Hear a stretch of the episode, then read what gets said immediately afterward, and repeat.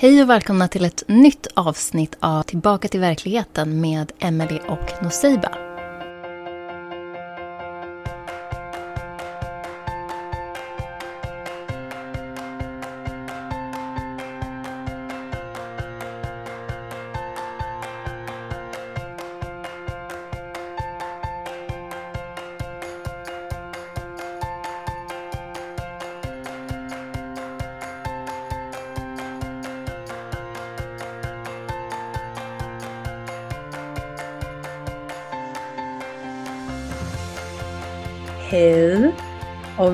Välkommen tillbaka till verkligheten.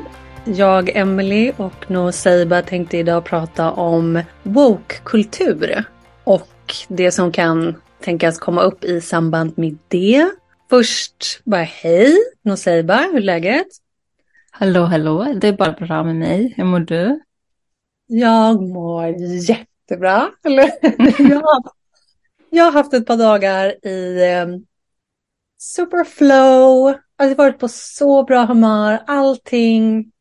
Mm, allting bara klickar. Jag eh, är på jättebra humör. Åh, kul att höra. Väl, ja. Välförtjänt.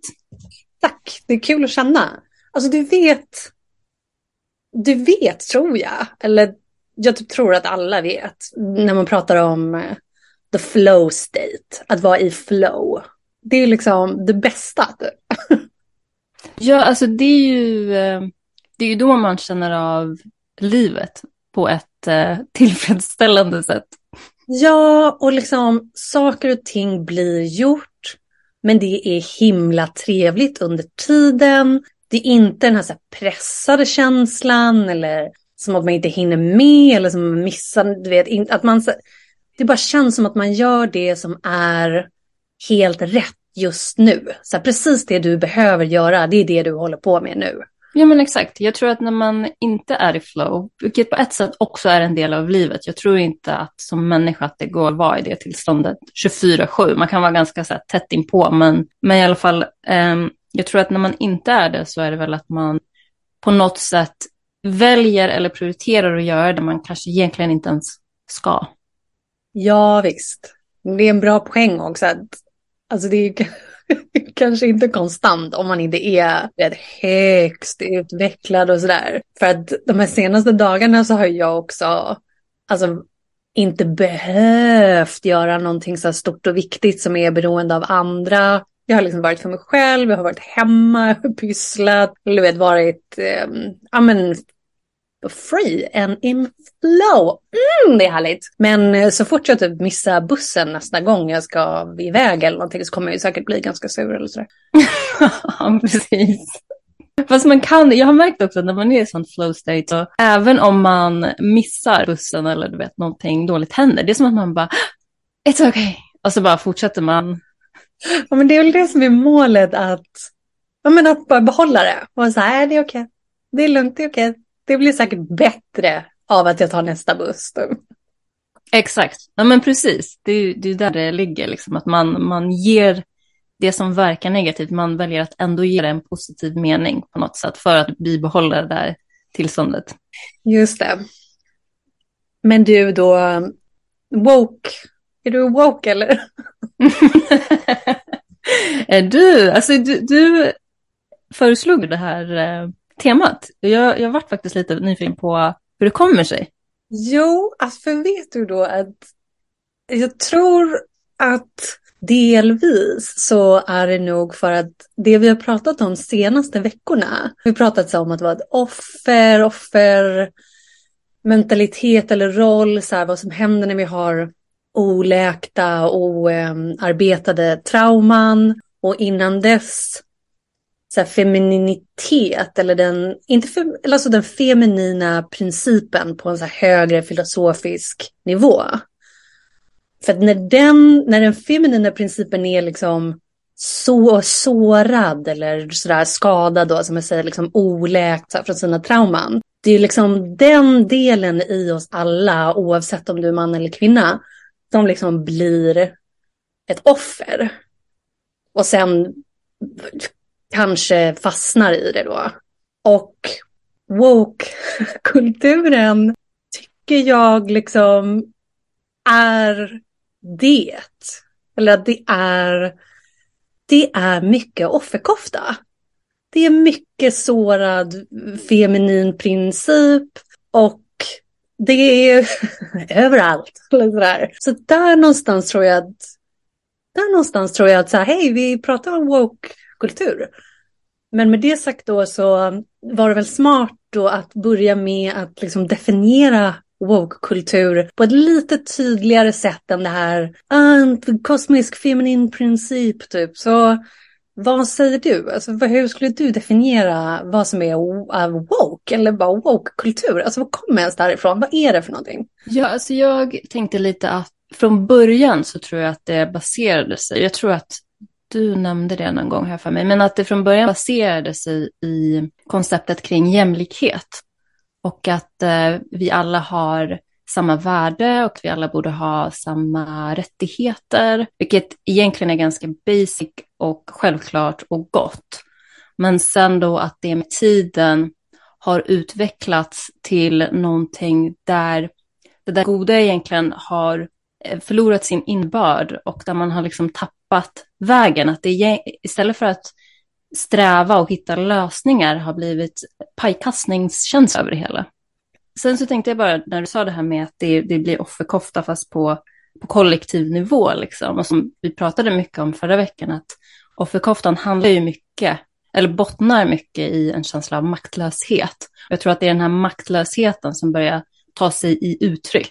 Så att istället för att då agera och ta ansvar så har det på något sätt blivit lättare att eh, skylla över och eh, peka finger Eh, och att det har blivit mer av en separerande grej. Och istället för att det blir inkluderande och att alla ska med och sådär så har det blivit ännu mer separerat. Och jag tänker nog mer specifikt, inte från grupper som anses vara utsatta, utan jag ser det mer som de här eh, krigarna liksom för wokeness som ska tala för andra grupper. Eh, jag vet att jag tittade på någon som snackade mycket om att vita människor har börjat kasta skit på andra vita människor och ska liksom call them out och det ska, de ska kallas för rasister och man ska cancella dem och liksom så här, för, att, för att de inte är med på det här wokeness av att, eh, ja men du vet så här, om man säger minsta fel kring eh, pronomen till exempel, ja men då, då, då får man inte vara med längre, då ska du avvisas härifrån, du ska bort härifrån liksom. Istället för att så här, hmm, ja du sa så där när de känner sig, om man nu tycker att det är en jätteviktig fråga, men eh, kanske ska Eh, så här, lära ut eller mer informativ, mer inkluderande, mer medkänsla för att så här, alla kanske inte har all kunskap och så där, så har det blivit att man ska bestraffas istället. Ja, just det. Jag är, jag är helt med. Alltså, det finns, jag skulle inte kunna säga så mycket om det du precis sa och resten, för det är högst fascinerande. Det första jag tänker på, det är alltså, eh, psykologi, Och eh, som du nämner, så här, för vi har ju psykologiska eh, egenskaper, färdigheter, tokerier, knasigheter som är, finns både på en individuell nivå, liksom du och säger bara jag, men sen så har vi vårt kollektiv. Och jag vet att Carl Jung, du vet redan på 50-talet så skrev han om att Alltså mänskligheten, vi står inför liksom enorma utmaningar och typ det, det farligaste liksom, just i vår nutid och i framtiden, det kommer ju vara våra alltså, omedvetna psykologiska och problem, eller så issues, liksom, eller omedvetna eller bara o... Eh, vad, vad är ordet jag letar efter?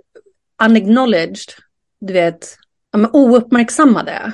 Och i då, precis som du är inne på säger, så är det också så här, att om vi då, om vi liksom till att börja med bara tar den lilla biten och så hör det våran nutida woke-kultur till att du får inte säga någonting som någon annan kan uppfatta som stötande. Eller du får inte säga någonting som känns liksom, eller som någon kan tycka är lite okänsligt eller någon form av så tough love eller helt, alltså helt ärligt bara så här, säga sanningen. Typ. För att alla gånger så är inte den helt diffus liksom, eller helt diffus. Så att om vi inte får göra det, Alltså hur ska vi, hur ska vi liksom kunna eh, sköta och driva ett samhälle? Alltså hur ska du kunna hitta hem i dig själv och må bra och vara trygg och liksom skapa ett liv där du, där du njuter och mår bra och liksom gör någonting, är någon, är lycklig, liksom har goda fina relationer och sådär. Bara det blir superproblematiskt. Och som du säger också, att så här, om någon bara ska bli cancellad så, här, så fort man har sagt någonting som någon annan inte tycker det är rätt. Alltså, eller det som händer är också att du sa att det goda har liksom gått och blivit det onda lite grann. För jag känner också att det var så här, du vet, en fin intuition bakom många liksom, koncept som är så här, gräsrotsrörelser eller jämlikheten och sådär. Det har blivit typ hijackat. Och istället så används de där sakerna nu, till exempel pronomerna, som ett sätt för människor att visa sin överlägsenhet över andra. Och det är liksom mobbning typ. Alltså, ah. Ja, alltså jag, jag tänkte på det också, att så här, när vissa personer då tar sig på den här krigarutrustningen och krigar för wokeness, liksom, att det känns mycket mer egobaserat än hjärtbaserat. Så att det, det blir som att man har facit på vad, vad anses vara rätt, vad anses vara fel. Och sen så har man inte liksom grävt djupare i vad det där faktiskt innebär, utan man bara skannar utåt. Och så, så sätter man stämplar på att så här, men du sa så, då är du fel. Du är med oss, då är du rätt. Och det blir ett sätt att liksom förstora upp sig själv och ge sig själv rätten eller ursäkten att ha tillåtelse att trycka ner andra. Och det är det som blir så himla sjukt, för att poängen med wokeness är att vi ska alla lyfta upp varandra. Ingen ska lyftas upp mer än någon annan. Liksom. Och så istället blir det exakt det man gör.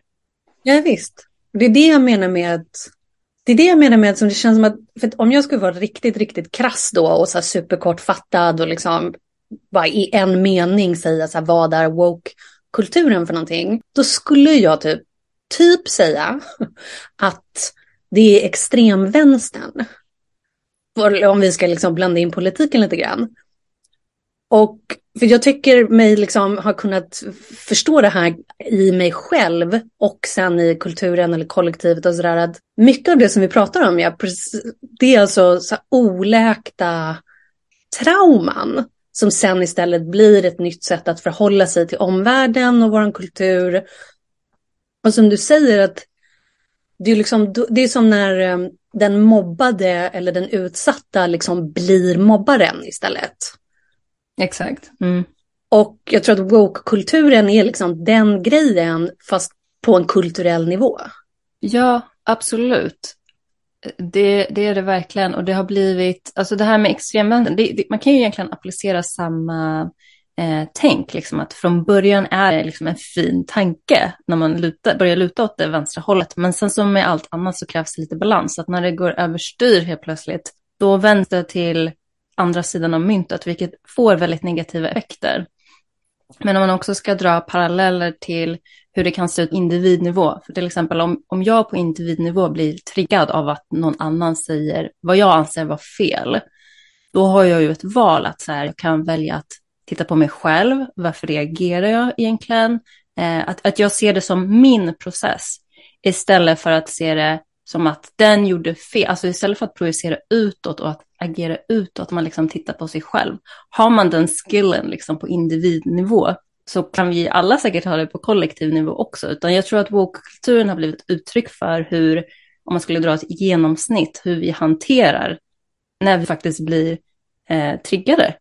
Och det tyder ju också på att någonstans så har man lagt makten för hur man mår liksom placerats där. Och det är det också jag menar lite på, att det, det är den här maktlöshetskänslan i botten. Alltså man tror genuint att min lycka eller olycka kommer helt utifrån. Sen betyder det inte att man ska ta mycket skit som helst eller sådär. Det är klart att man ska ha vissa gränser och så. Men jag tror att det visar att man fundamentalt har lagt mer tyngd på det yttre än på sig själv, sitt eget ansvar och sin egen makt. Ja, ja, ja. För alltså det, det du säger nu, det är ju det här misstaget som vi gärna gör. Att vi vi tror eller vi vill att liksom någonting utanför oss själva eller att någonting i omvärlden så här, måste förändras innan jag kan vara lycklig. Eller om det där blir annorlunda, om, om alla använder rätt pronomer, eller om alla, om alla blir veganer, alltså om alla bara, du, vet om alla källsorterar, typ, då kommer jag vara lycklig. Istället för det är så som det är, du vet, alla, alla filosofiska högre tankeskolor och psykologi och så vidare, alla är liksom överens om att det är tvärtom. Och du måste liksom skifta inuti dig själv innan omvärlden kommer kännas bättre eller förrän dina relationer blir bättre för någon annan bemöter dig så här bättre. Eller att allting handlar liksom om ditt, ja, men om ditt inre och precis som du säger, så här, hur du lär dig att hantera dina triggers. Sen har jag tänkt på en annan grej också i det här, för att alltså woke-kulturen, den här liksom, ja, men det här extrema, det är väl lite mer, det är väl lite tydligare liksom i, väst, i västvärlden än i andra delar, även fast det finns liksom överallt nu.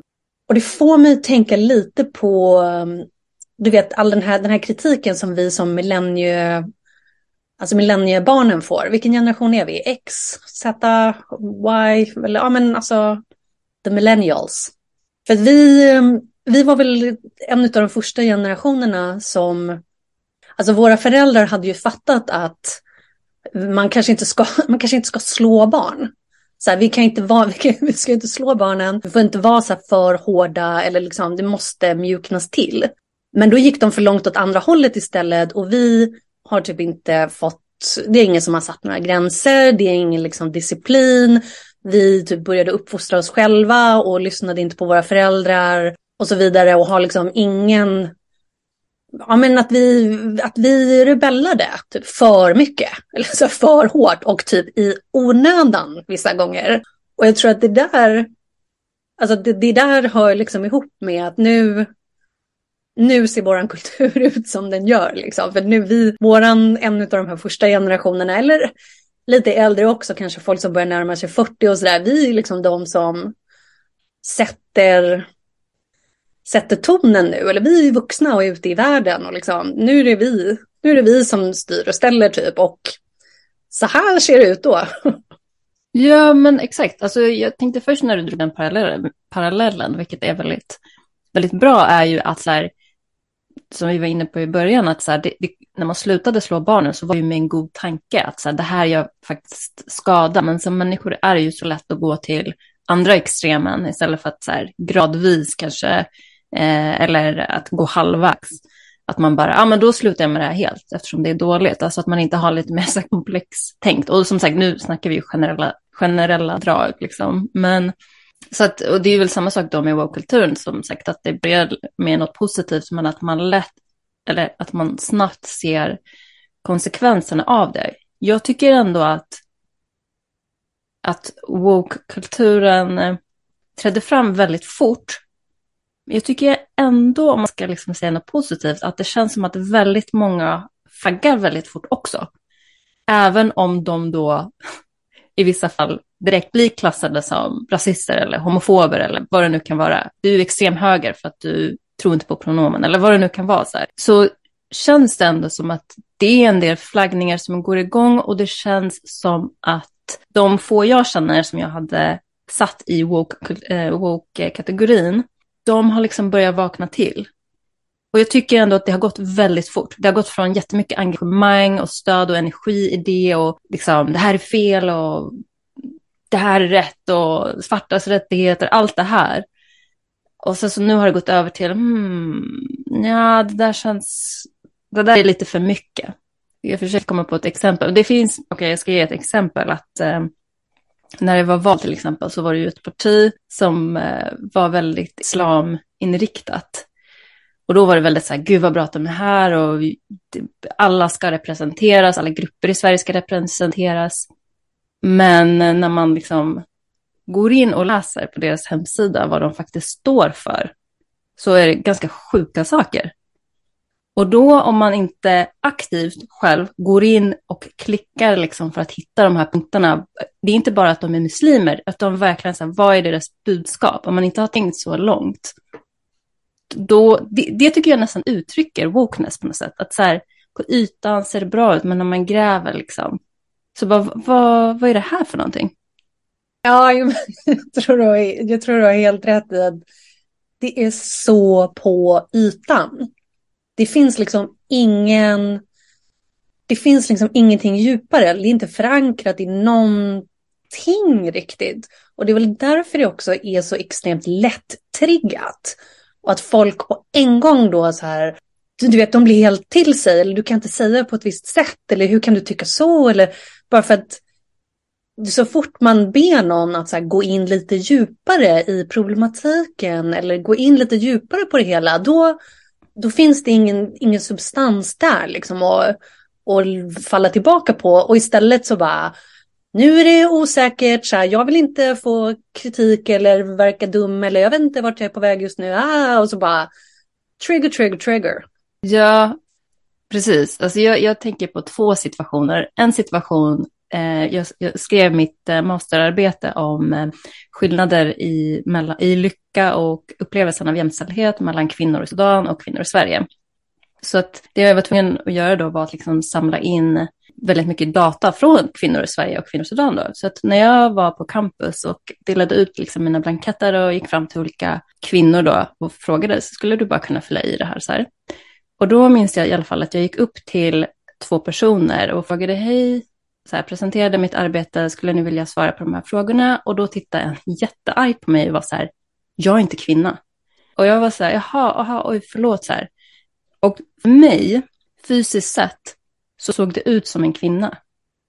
Och eh, jag kan säga så här att jag mådde skitdåligt efter där, den interaktionen, liksom, för att även när jag var så här, ah, ursäkta, och sen så gick jag bara därifrån, för jag skämdes liksom, och jag såg ju liksom att hon bara så skakade på huvudet.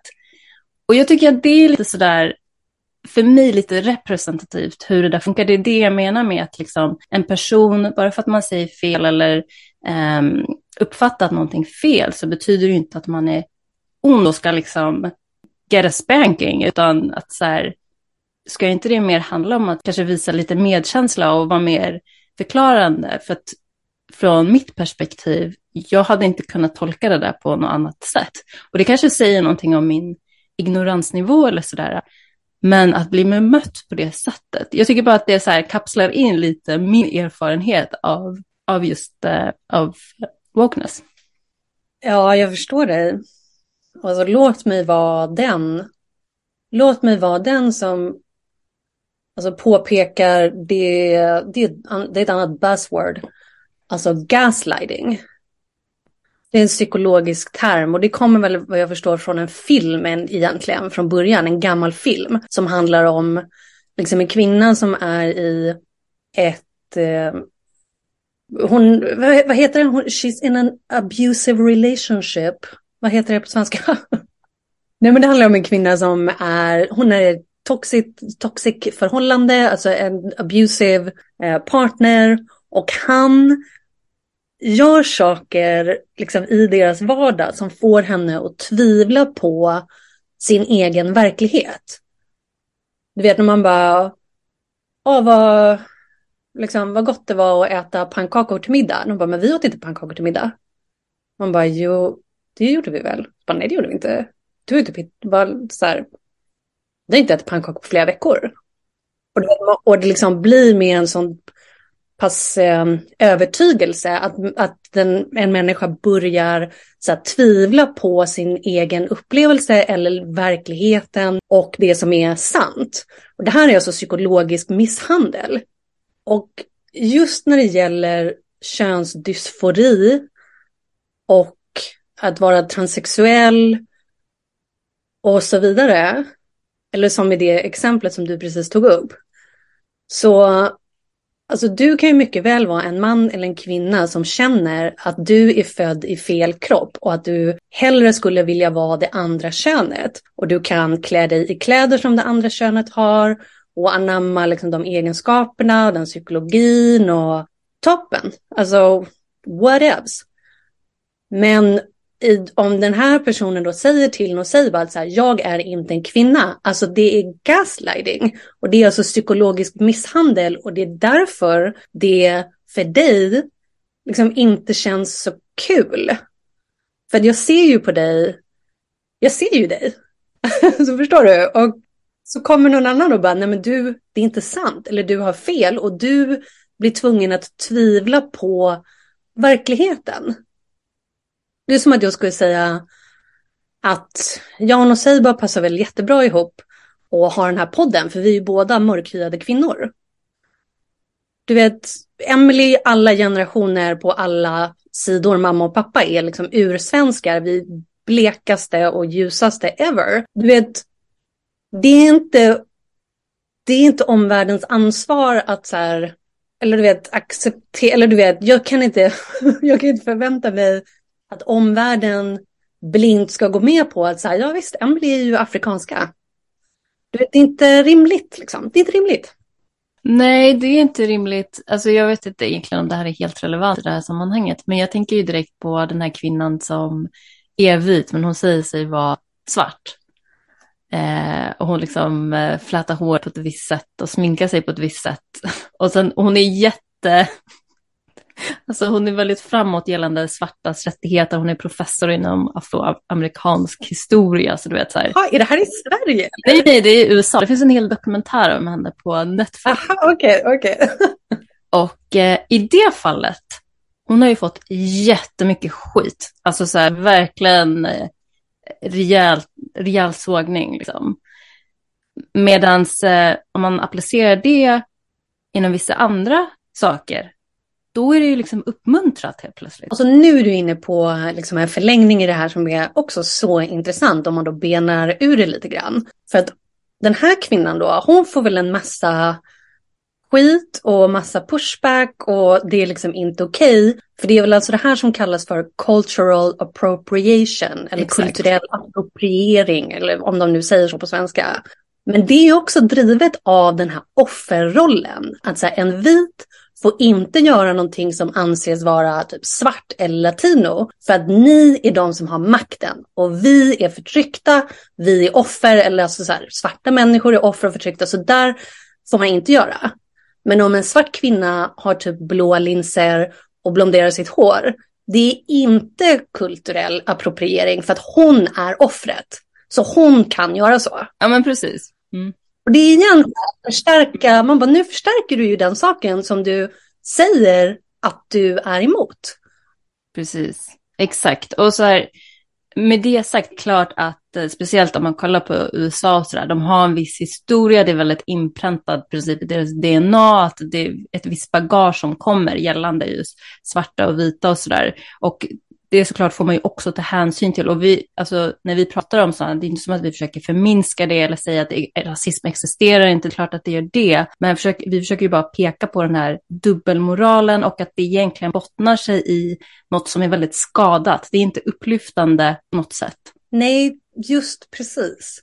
Och som du var inne på för en liten stund sedan så känns det väl, alltså det är egobaserat och kommer liksom inte från hjärtat. Och med andra ord så pratar vi alltså narcissism.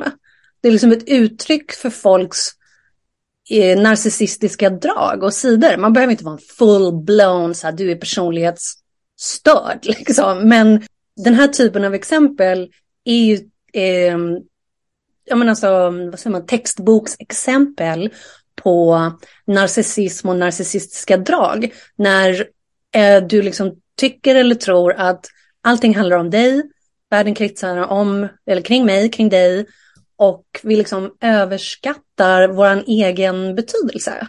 Ja, alltså jag, jag tänker så här att just när det gäller narcissism, som du sa innan, så buzzword, det har ju verkligen så här jätteinne, väldigt urtvättat koncept idag. Men jag ska bara säga det att så här, vi har alla narcissistiska tendenser inom oss. Så det, det, är verkligen inte, det är bara de som, där det har tagit över, där man verkligen är så här, ska hålla avstånd. Men vi har alla egentligen sådana tendenser här och där. Och det kommer ju från ett väldigt så här, skadat själv, så att man får vara ärlig med sig själv och försöka se när det där poppar upp. Men jag tänkte mer, om man ska koppla det till narcissismen, jag tycker bara att det blir sån eh, dubbelmoral. För jag tycker att det är så en central del av narcissism, att så här, inte bara att man förstår upp sig själv, vilket man absolut gör, men det är så här, du får inte göra så där, du är jättedålig. Och så, så går man och gör precis samma sak själv, men då är det inte dåligt. Det, det är en helt annan sak. Ja, alltså dubbelmoral. Dubbelmoral och att liksom förneka någon sanningen eller att bara förneka sanningen så här generellt för sig själv, för någon annan. Alltså det är så enormt skadligt liksom. Och jag typ tittar på små barn i vårt samhälle. Alltså det är liksom, alltså det är typ barnmisshandel, liksom att ljuga för dem. Och så här få sanningen, eller liksom den här dubbelmoralen, för det skapar sån förvirring. Och förvirring är, det är liksom motsatsen till vad en människa behöver för att kunna etablera ett lyckligt liv och känna sig trygga, starka i sig själva och sådär, veta vem de är det blir så enormt liksom skadligt för alla och speciellt liksom våra barn då som ska så programmeras in i, i allt det här. Jag bara undrar liksom vad som kommer, hur det kommer vara med dem eller hur det kommer bli med dem när de är vuxna människor. Min spontana tanke är att å ena sidan om man ska, om jag ska försöka liksom extrahera det positiva i det här är att jag tror att många barn som växer upp idag får en programmering som kanske är mer balanserad och mer förhoppningsvis mer inkluderande av olika former och olika uttryck av liv. Liksom. Eh, och sen så tänker jag att absolut att det kan liksom gå överstyr för dem nu, men jag tror ju att i den generationen när de blir vuxna, där de kommer vara så här, kolla på oss och bara, vad har ni ställt till med egentligen, sen försöka hitta en balans i i det här. För att när du pratade om det här med barnmisshandel och sen så helt plötsligt slutar man disciplinera barn överhuvudtaget. Det är ju det som har skett lite nu när det gäller vissa kategorier och att sätta vissa gränser. Att helt plötsligt får alla göra vad de vill och vissa kan till och med bete sig jävligt. Och det är rättfärdigat för att jag kanslar en person som är dålig. Så jag har faktiskt rätt att göra det som svart kvinna, såklart. Utan, utan större belägg. Ja, ja, och då är det ju då är det liksom fråga om barnmisshandel fast på ett annat sätt.